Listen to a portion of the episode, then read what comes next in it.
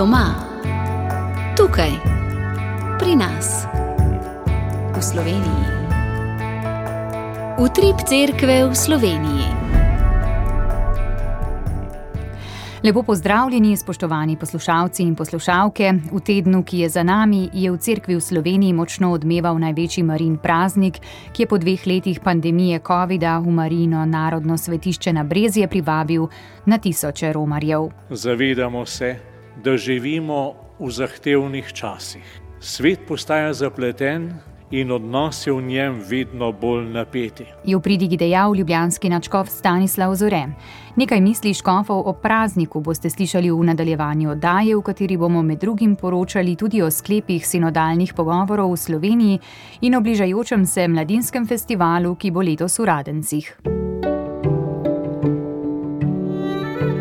Radijska oznanila. Jutri goduje Devica Marija Kraljica, Timotej Rimski in tovariši močenci ter Zigfrid Škov. V torek Roza iz Lime, Devica, Timotej Galski močenec ter Rihilda Puščavnica. V sredo Natanael, apostol ter Avrea močenka. V četrtek Ludvik IX, francoski kralj. Jožef Kasalanc, duhovnik ter Elvira Močenka. V petek goduje Zefirin Papež, Eh, ter Tomaš Persi Močenec, v soboto Monika, mati svetega Augustina, ter Amadej Škov in Cezari Škov. V nedeljo pa goduje Augustin Škov in crkveni učitelj, ter Pelagi Istrski Močenec in Hermes Močenec. Prihodnja nedelja bo 22. med letom. Dopoldan ob desetih bodo v stični v baziliki žalostne Matere Božje pripravili zunanjo slovesnost svetega Bernarda, somašovanje po vodju opat Maksimilijan File. Popoldan bo v turnišču dekanijsko srečanje bolnikov, ob 14. bo molitvena ura in ob 15. sveta Maša z bolniškim maziljenjem. Danes popovdne bo v Rovtah ob 80-letnici začetka pobojev in posledično ustanovitev vaških straž ter ob Evropskem dnevu spomina na žrtve vseh totalitarnih in avtoritarnih režimov spominska sveta Maša za vse žrtve totalitarnih režimov in povojnih pobojev. Ob 15. bo sveto Mašo daroval monsignor Anton Trpin, župnik in dekan v Šentirneju. Popovdne bo na Dobrovi pri Ljubljani tudi šmatna maša ob 16. maševal bo novomašnik Tadej Pagon. V torek bo v Ljubljanski stolnici ob 18.30 sveta Maša ob Evropskem dnevu spomina na žrtve vseh totalitarnih in avtoritarnih režimov. Maševal bo ljubljanski načkov metropolit Stanislav Zore. Po maši bo kratka akademija in slavnostni nagovor dr. Aleša Maura. V soboto 27. augusta bo v puščavi na Pohorju romanje bolnikov, invalidov in ostarilih. Ob devetih se bo začelo z molitveno uro, ob desetih bo sledila sveta Maša, ki jo bo daroval načkov Cvikl. V soboto bo na zaplazu škofijsko romanje bolnikov, invalidov in ostarilih, Ob 9.30 bo najprej rožni venec in ob 10. sveta Maša, ki jo bo daroval škov Saje. V soboto bo v Radencih drugi mladinski festival v Soboški škofiji pozoru Mladi Festa iz Međugorja z geslom S teboj, Mati Marija. Začetek bo ob 14. ob 19.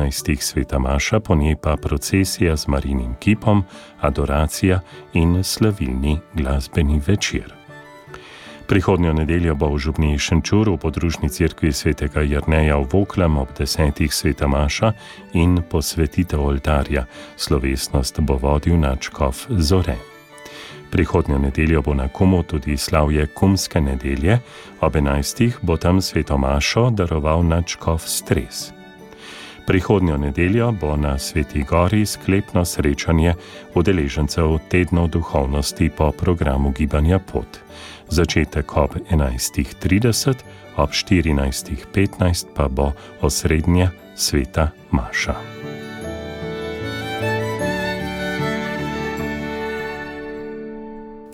Na slovesni in zapovedan praznik Marinega vnebovzetja smo se kristijani kot ena družina zbrali ob nebeški materi. Številni slovenci so romali v Marina svetišča, kjer so svete maše darovali tudi naši škofje. Predsednik Slovenske škofovske konference in novomiški škof Andrej Saje je sveto mašo daroval v škofijskem romarskem svetišču Marije vnebovzete na Zaplazu. Med drugim je pojasnil, da se človekovo življenje na zemlji nenehno odvija v napetosti boja med dobrim dobrim in zlim, oziroma med žensko in zmajem, kot smo slišali v Berilu. A Bog nas znotraj teh bojev po škofovih besedah ne pušča samih. Škof je opozoril na skušnjavo podleganja prevladojoči miselnosti, da nam Bog ne pušča svobode, zato ga želimo iz življenja izriniti. Želimo biti samostojni, neodvisni in tudi odločati o rojstvu in smrti ter o drugih naravnih danostih, kot so naprimer pojmovanje zakonske zveze, družine ter njene narave, človekovega spola in tako naprej. Sodobni človek želi oblikovati svet povsem po svojih zamislih in svojih načrtih ter ne priznava nikogar, ki bi se mu moral podrejati, je dejal Škof Saje in nas spodbudil naj se ne oddaljimo od Boga, ampak naj ga naredimo navzočega v svojem življenju. V osrednjem narodnem svetišču Marije Pomagaj na Brezijah je Mašo daroval ljubljanski metropolit Načkov Stanislav Zore. Tudi on je opozoril na potrebo po zaščiti vsakega človeškega življenja, od spočetja do naravne smrti, še posebej v luči staranja prebivalstva, na pomen očeta in matere za zdrav otrokov razvoj. Bolj ali manj jasno se vsi zavedamo, da se je svet znašel v krču in ni samo po sebi umevno, kako in kdaj bo ta svetovni krč popustil. Podobno je tudi z našo domovino in državo. Ne moremo razumeti odločitev in sprejetih sklepov, za katere vidimo, da v njih ni iskanja skupnega dobrega. Ob tem bi se lahko obrnili proč ali pa zamižali na obi očesi in delali, da je vse dobro. Lahko bi se tudi začeli ozirati okoli sebe in iskati krivca za razmere, v katerih živimo. In vem, da bi ga vsak izmed nas našel. Najbrž ne samo enega. Vendar s takšnim ravnanjem ne pripomoremo k izboljšanju stanja. Zavedati se moramo, da je vsak človek dolžan storiti vse, kar more, da bi bilo med ljudmi, med skupinami, med političnimi strankami, pa tudi med narodi in državami več sožitja, medsebojnega sodelovanja in iskrenega prizadevanja za mir. Kristijani smo poleg tega še poklicani, da svet in njegove stiske, vojne in iskanja, strahove in nemoč po Mariji prinašamo pred Boga. Na poseben način bomo to storili tudi med to sveto mašo, ko se bomo 30. izročili naši nebeški materi Mariji. Mariborski načkov metropolit Lojzic Vikl, ki je slovesno somaševanje vodil v baziliki Marije Zavetnice s plaščem na Ptujski gori, se je osredotočil na pomen prizadevanja za dobro, kar nam včasih preprečuje ta dvom in strah, da je naš trud za manj, da se nič ne pozna pri izgradnji lepšega in boljšega sveta. Anačkov je povedal, da po marinem zgledu vere v Boga tudi mi verujemo, da to, kar je izročeno Bogu, ni nikoli izgubljeno. Tudi naše prizadevanje za dobro, če ga združimo z Bogom, kakor je to delala Marija, ne bo nikoli uničeno, pa čeprav nas bo pri tem oviral skušnjavec, ki ima veliko obrazov, je še dejal Mariborski načkov. Mursko-soboški škof Peter Štump je v osrednjem škofijskem marinem svetišču v Turnišču povedal, da živimo v dobi mnogih izbir. Izbiramo lahko med enim in drugim. In nenehno smo pred izzivem, ki zahtevajo od nas izbire.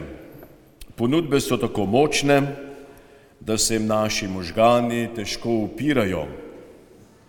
Težava nastane potem, ko nismo več sposobni izbir, ker jih je enostavno preveč.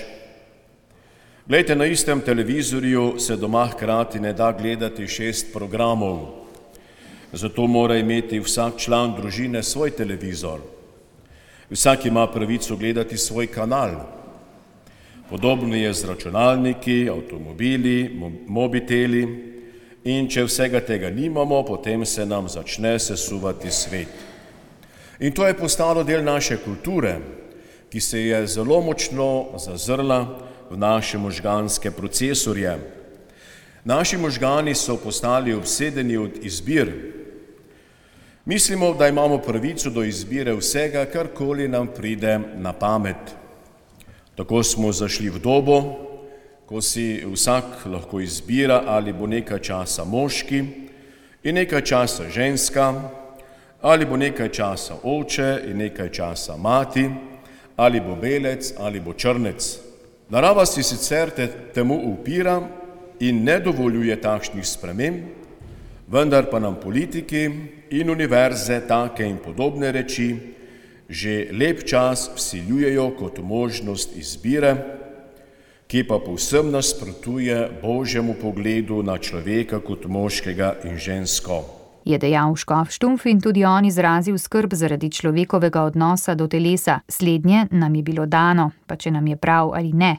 Na telesu pa se po Škofovih besedah vidi naša podobnost Bogu. Marinov nebovzetje po njegovem prepričanju pomeni poveličanje njenih najbolj naravnih in normalnih lastnosti, ki so jo krasile kot ženo in mater.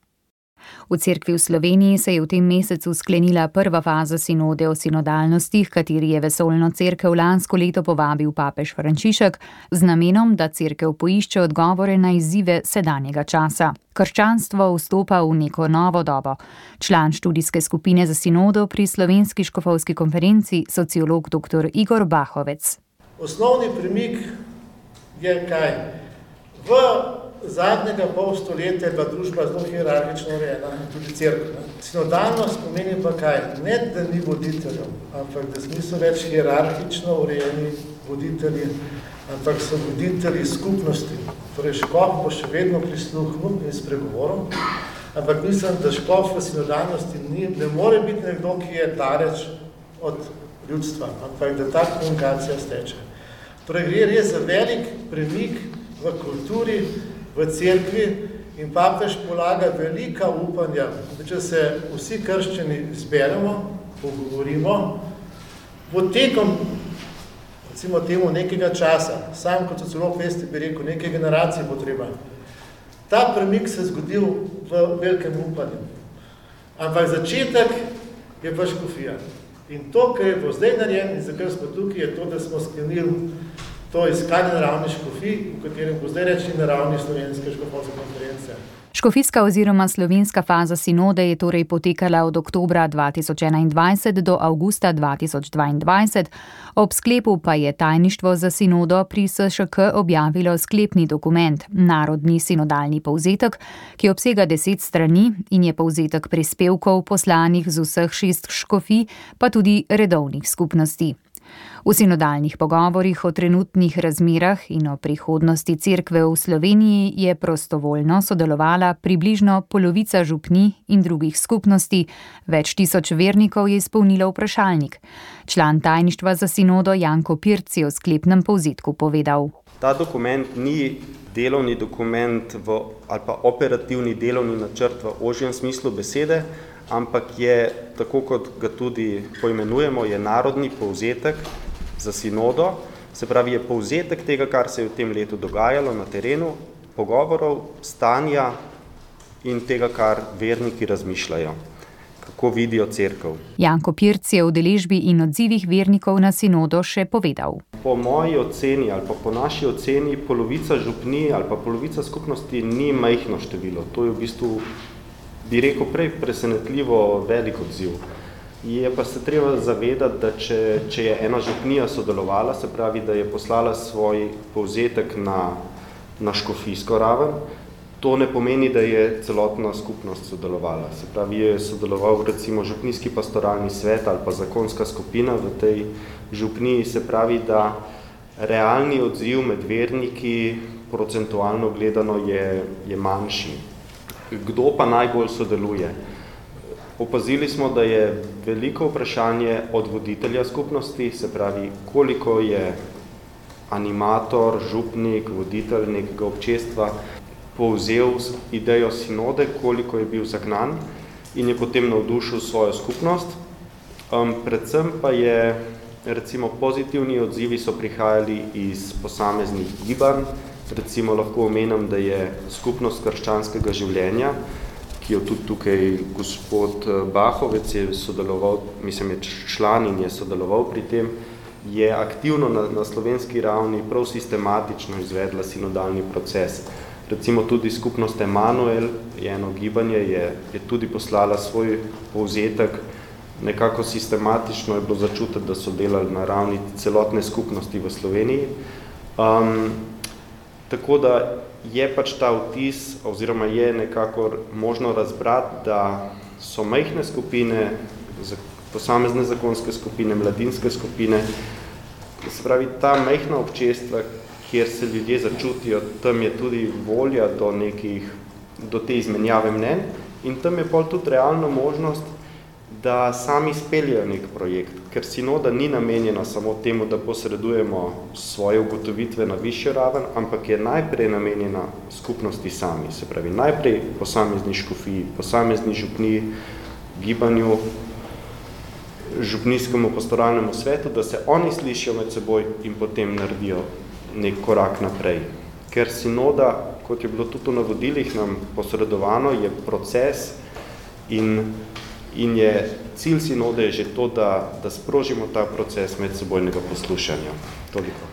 Z odzivom v prvi fazi sinode je zadovoljen tudi pristojni škof, celski ordinari, dr. Maksimilijan Matjaš. Pravi, da se je kljub začetni zadržanosti, tako na strani lajkov kot duhovnikov, ki bila na nek način upravičena zaradi preteklih izkušenj, sprožil proces pogovarjanja in poslušanja. In kateri so glavni povdarki ali ugotovitve sinodalnih pogovorov? Na prvem mestu je spoznanje, da je treba v občestvih jasno določiti pristojnosti in odgovornosti oseb in skupin v crkvenih strukturah in procesih. Po škofovih besedah se je tu pokazala osrednja težava strukture laiške cerkve, ki se bo morala soočiti s spremembo najprej res pri prevzemanju tudi te odgovornosti, ne, lajkov oziroma vseh članov crkve. E, ne samo za, ma, za to materialno stanje župnije, to bo prej ali zdaj prišlo, uh, zato ker so, bo, bodo veliko župnij ostalo brez duhovnikov ali pa starejših duhovnikov in bodo morali to prevzeti, ampak predvsem za, uh, za odgovornost za oznanjevanje, za katehezo. Tako so se v tem sklopu začenjale pokazati tudi recimo smiselnost ali pa, ali pa uspešnost, recimo, eh, eh, da mi podvajamo neki, nek, nek, nek šolski veruk ali pa šolski pristop, kjer je bazirano na, na tem, da, da pa se otroci iz ene učilnice pristavijo v drugo učilnico in potem eh, se neki odgovorni ukvarjajo z njimi.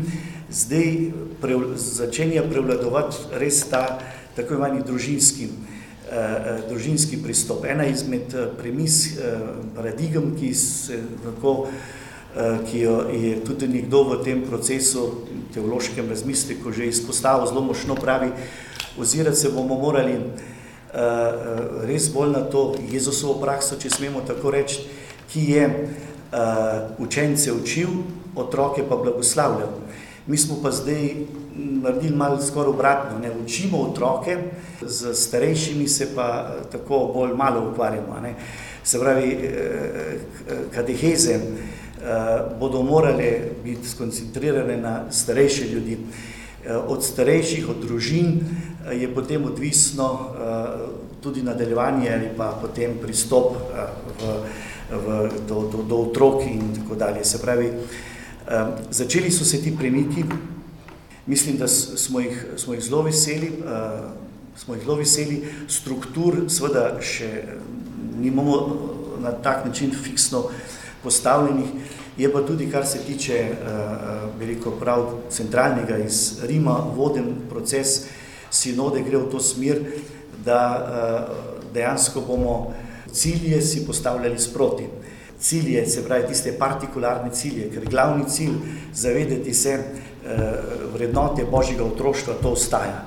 In eh, mi želimo najprej eh, to, to identiteto, to novo identiteto božjega otroka utrditi nami, se pravi v cerkvi, potem verjamemo, da bodo tudi vse ostale službe dobile svoje pravilno mesto, ne na zadnje do, do škofovske ali pa duhovniške. Drug korak je pa potem s tem, ko bomo nekako živeli to, to, to identiteto božjega otroštva, bo tukaj posledica potem tudi na oznanjevanju oziroma na misijonski, misijonskem poslanstvu crkve. Želimo tudi to govoriti, ne, da je pravzaprav naše poslanstvo misijonsko, crkva je bila vedno misijonska, zato ker, eh, zato ker je bila vedno pravzaprav neke vrste so in korelat prostore, prostora in, in časa. Verniki so delili tudi svoje izkušnje doživljanja bogoslužja, da pri sveti maši in drugih obredih pride do živega srečanja z Jezusom Kristusom, kar je po mnenju Pirca močno spoznanje, da nismo samo sociološka ustanova, ampak smo dejansko verska skupnost, ki se druži najprej pri bogoslužju, potem pa tudi ob bogoslužju. Kar nekaj izzivov je tudi na področju življenjskega sloga in socialnega statusa duhovnikov. Kljub temu, da je želela crkev v sinodalne pogovore vključiti tudi ljudi, ki so od nje oddaljeni, priznava, da kljub veliki želji ni bilo doseženo večje število oddaljenih. Udeleženci sinodalnih pogovorov od škofov pričakujejo, da opravijo temeljito analizo statističnih podatkov saj se zdi, da padajoče številke nikogar zares ne vznemirjajo. Zdi se, da smo se sprijaznili s cerkvijo, ki umira. Svetujejo, da se na mesto s kvantiteto množične pastorale bolj ukvarjamo s kvaliteto, navaja dokument. Eden od poudarkov na tem področju je, da bi se morali vsi, tako verniki kot oddaljeni, v občestvu počutiti dobrodošle in sprejete.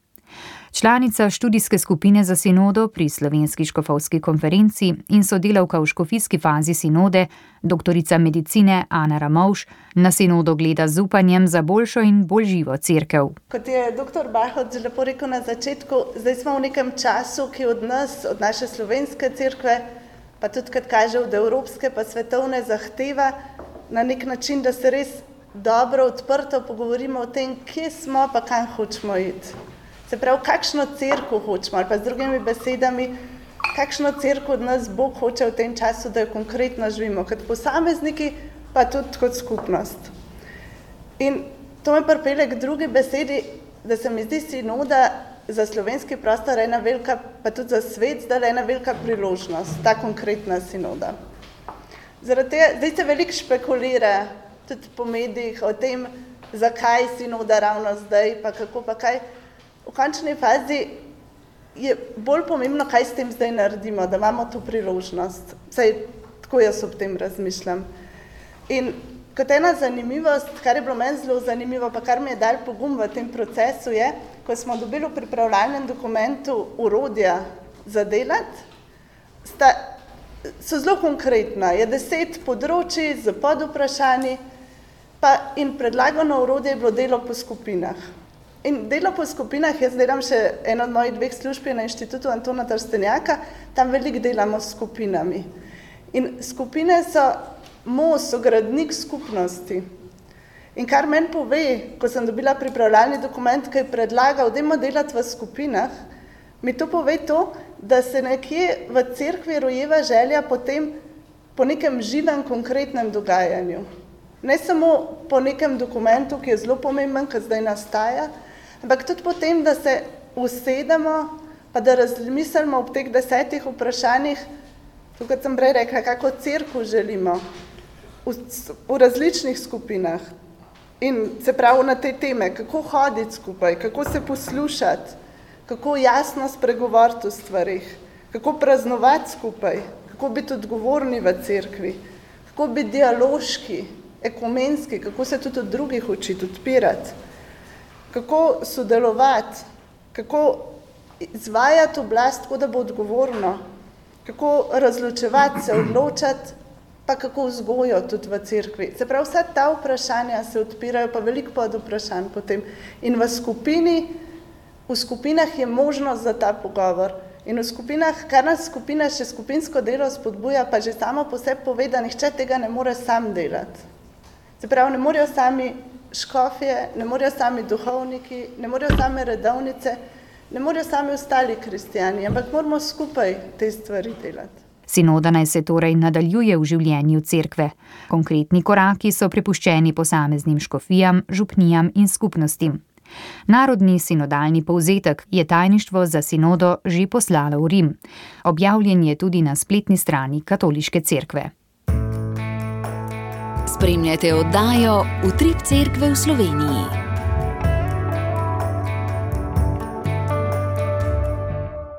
Dragi poslušalci, spoštovane poslušalke, oddajo Utrip Cerkve nadaljujemo z naslednjim gostom, ki ga lepo pozdravljam na zvezi. Z nami je voditelj Škofijskega odbora za mlade Škofije Murska sobota, Aljaš Baša, torej kaplan v Murski soboti.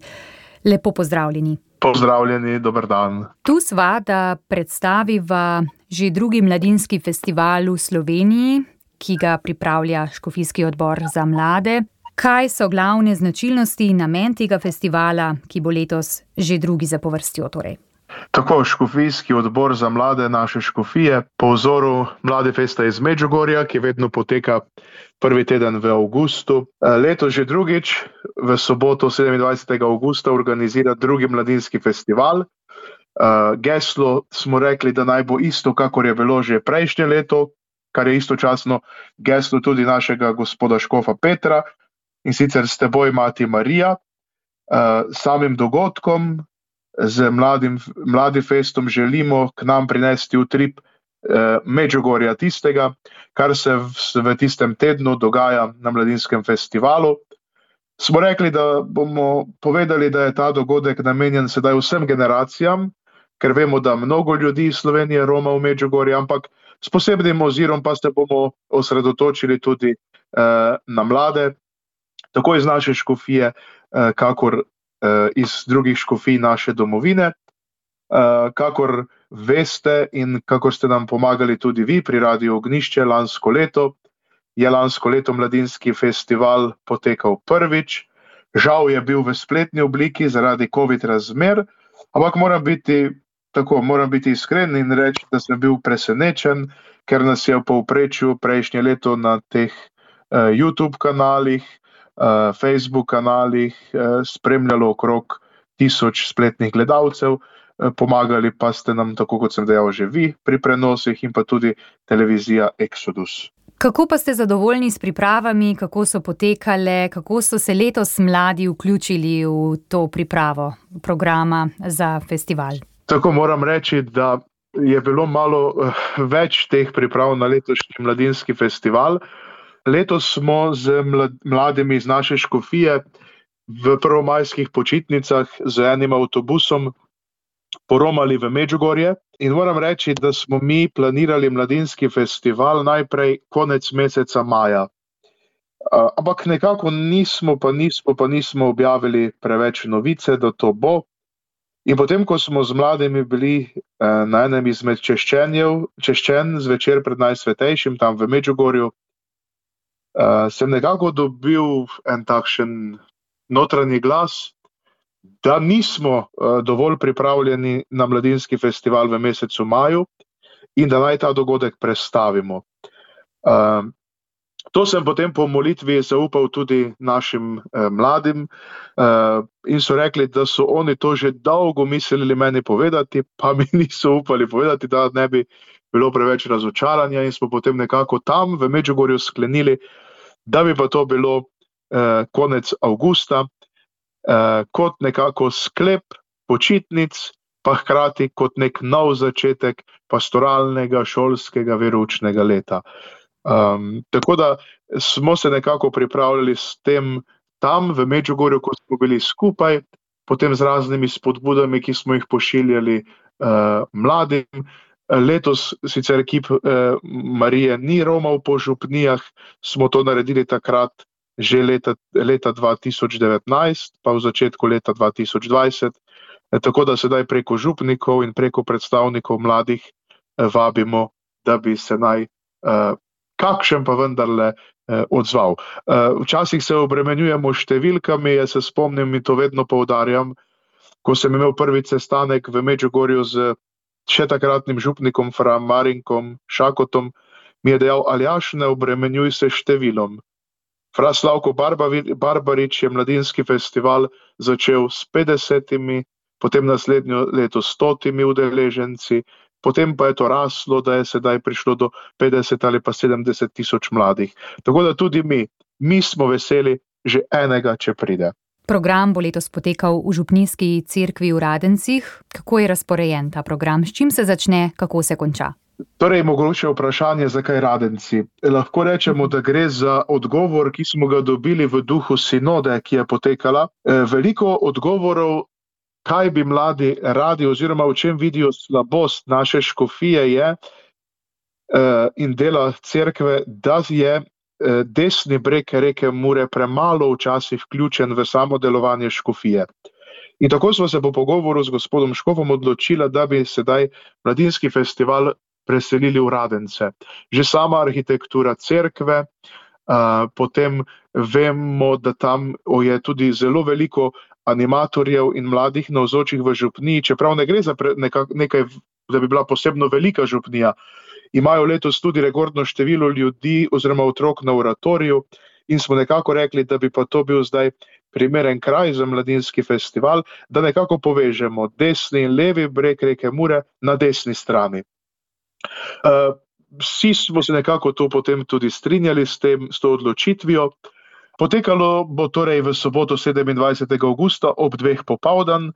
Bomo najprej začeli z molitvijo k svetemu duhu, s pesmijo zbora, ki so ga pripravili eh, mladi. Torej, mladi so ustanovili en takšen eh, zbor, namenjen tej priložnosti, tudi nekaj eh, glasbenikov bo na vzočih.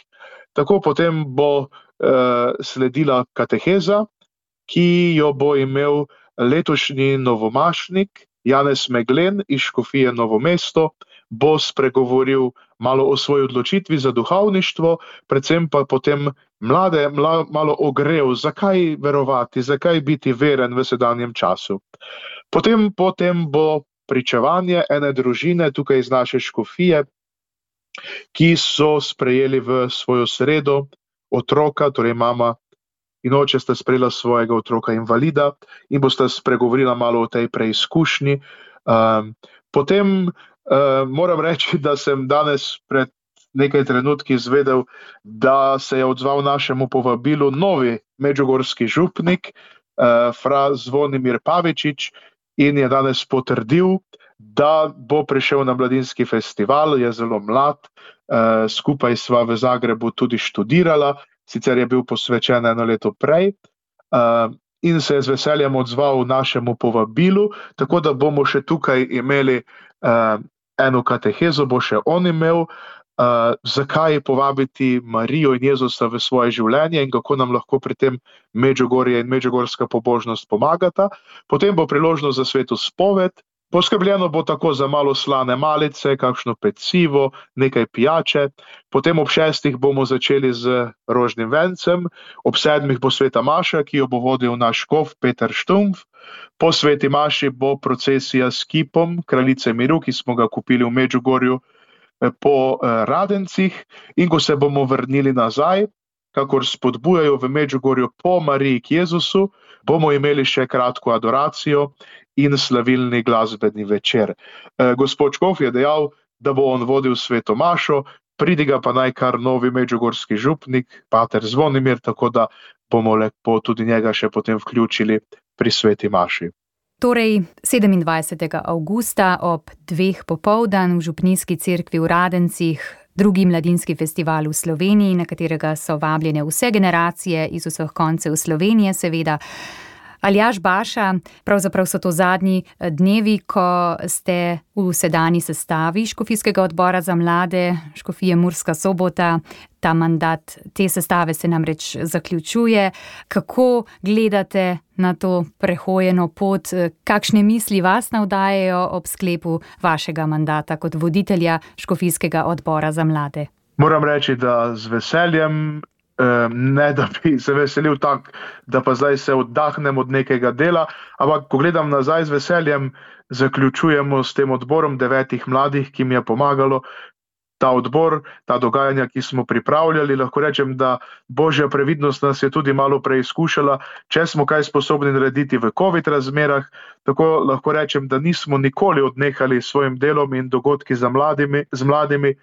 Kadar se je dalo, smo jim prirejali dogodke v živo, ko je bil COVID, smo preselili stvari na Zoom, Eh, tudi mladinski festival, romanje smo imeli, enkrat na mesec smo se zbirali pri svetih mašah, potem smo imeli razne kateheze, pa tudi družabne večere. In uh, moram reči, da s to ekipo mladih, kateri, katere sem izbral iz Škofije, da so sestavljali odbor, smo lepo uh, spletli prijetne vezi. Uh, moram reči, da sem vesel, da sem na začetku povabil mlade, ki so se le bežno poznali. In zdaj za sklep eh, tega delovanja našega imamo mladinski festival, pa še na koncu meseca oktobra poroko dveh članov eh, odbora eh, mladinskega, tega škofijskega odbora za mlade, sta se tam fant in dekle spoznala mm -hmm. in letos oktobra se tudi poročita, tako da je res bilo pre, pre, prepleteno marsikaj. Gospod Škof nam je to poslanstvo zaupal, mi pa smo rekli, da je zdaj po teh letih nekako tudi priložnost, da nekdo drug sprejme te vajeti, pa pelje naprej. Čeprav, gospod Škof, pa kateri duhovniki pravijo, da še naj ustrajamo, smo nekako mi rekli, da pa je v treh oziroma štirih letih dovolj, pa lahko zdaj drugi malo z drugimi močmi, pa z drugimi dogodki in sposobnostmi peljejo naprej. Vsak ima različne talente, moramo jih dati na razpolago, eh, da druge usrečimo. Vsekakor pa nismo delali zato, da bi promovirali sebe, ampak da bi vsaj nekaj mladih pripeljali k Jezusu pa Mariji. Tako kot slišimo v sinodi, da bi nudili prostor, kjer se povezujemo, kjer se skupaj pogovarjamo in predvsem se poslušamo. Najlepša hvala, Aljaš Baša, Tako. kaplan v Murski soboti, za ta pogovor in vsem velja torej povabilo na drugi mladinski festival v Sloveniji, ki bo v soboto 27. augusta v Radencih. Hvala lepa za priložnost, da smo smeli spregovoriti in predstaviti mladinski festival in v čim večjem številu Radence. S tem prispevkom zaključujemo oddajo v Trip Cerkve v Sloveniji, ki sem jo pripravila Petra Stopar.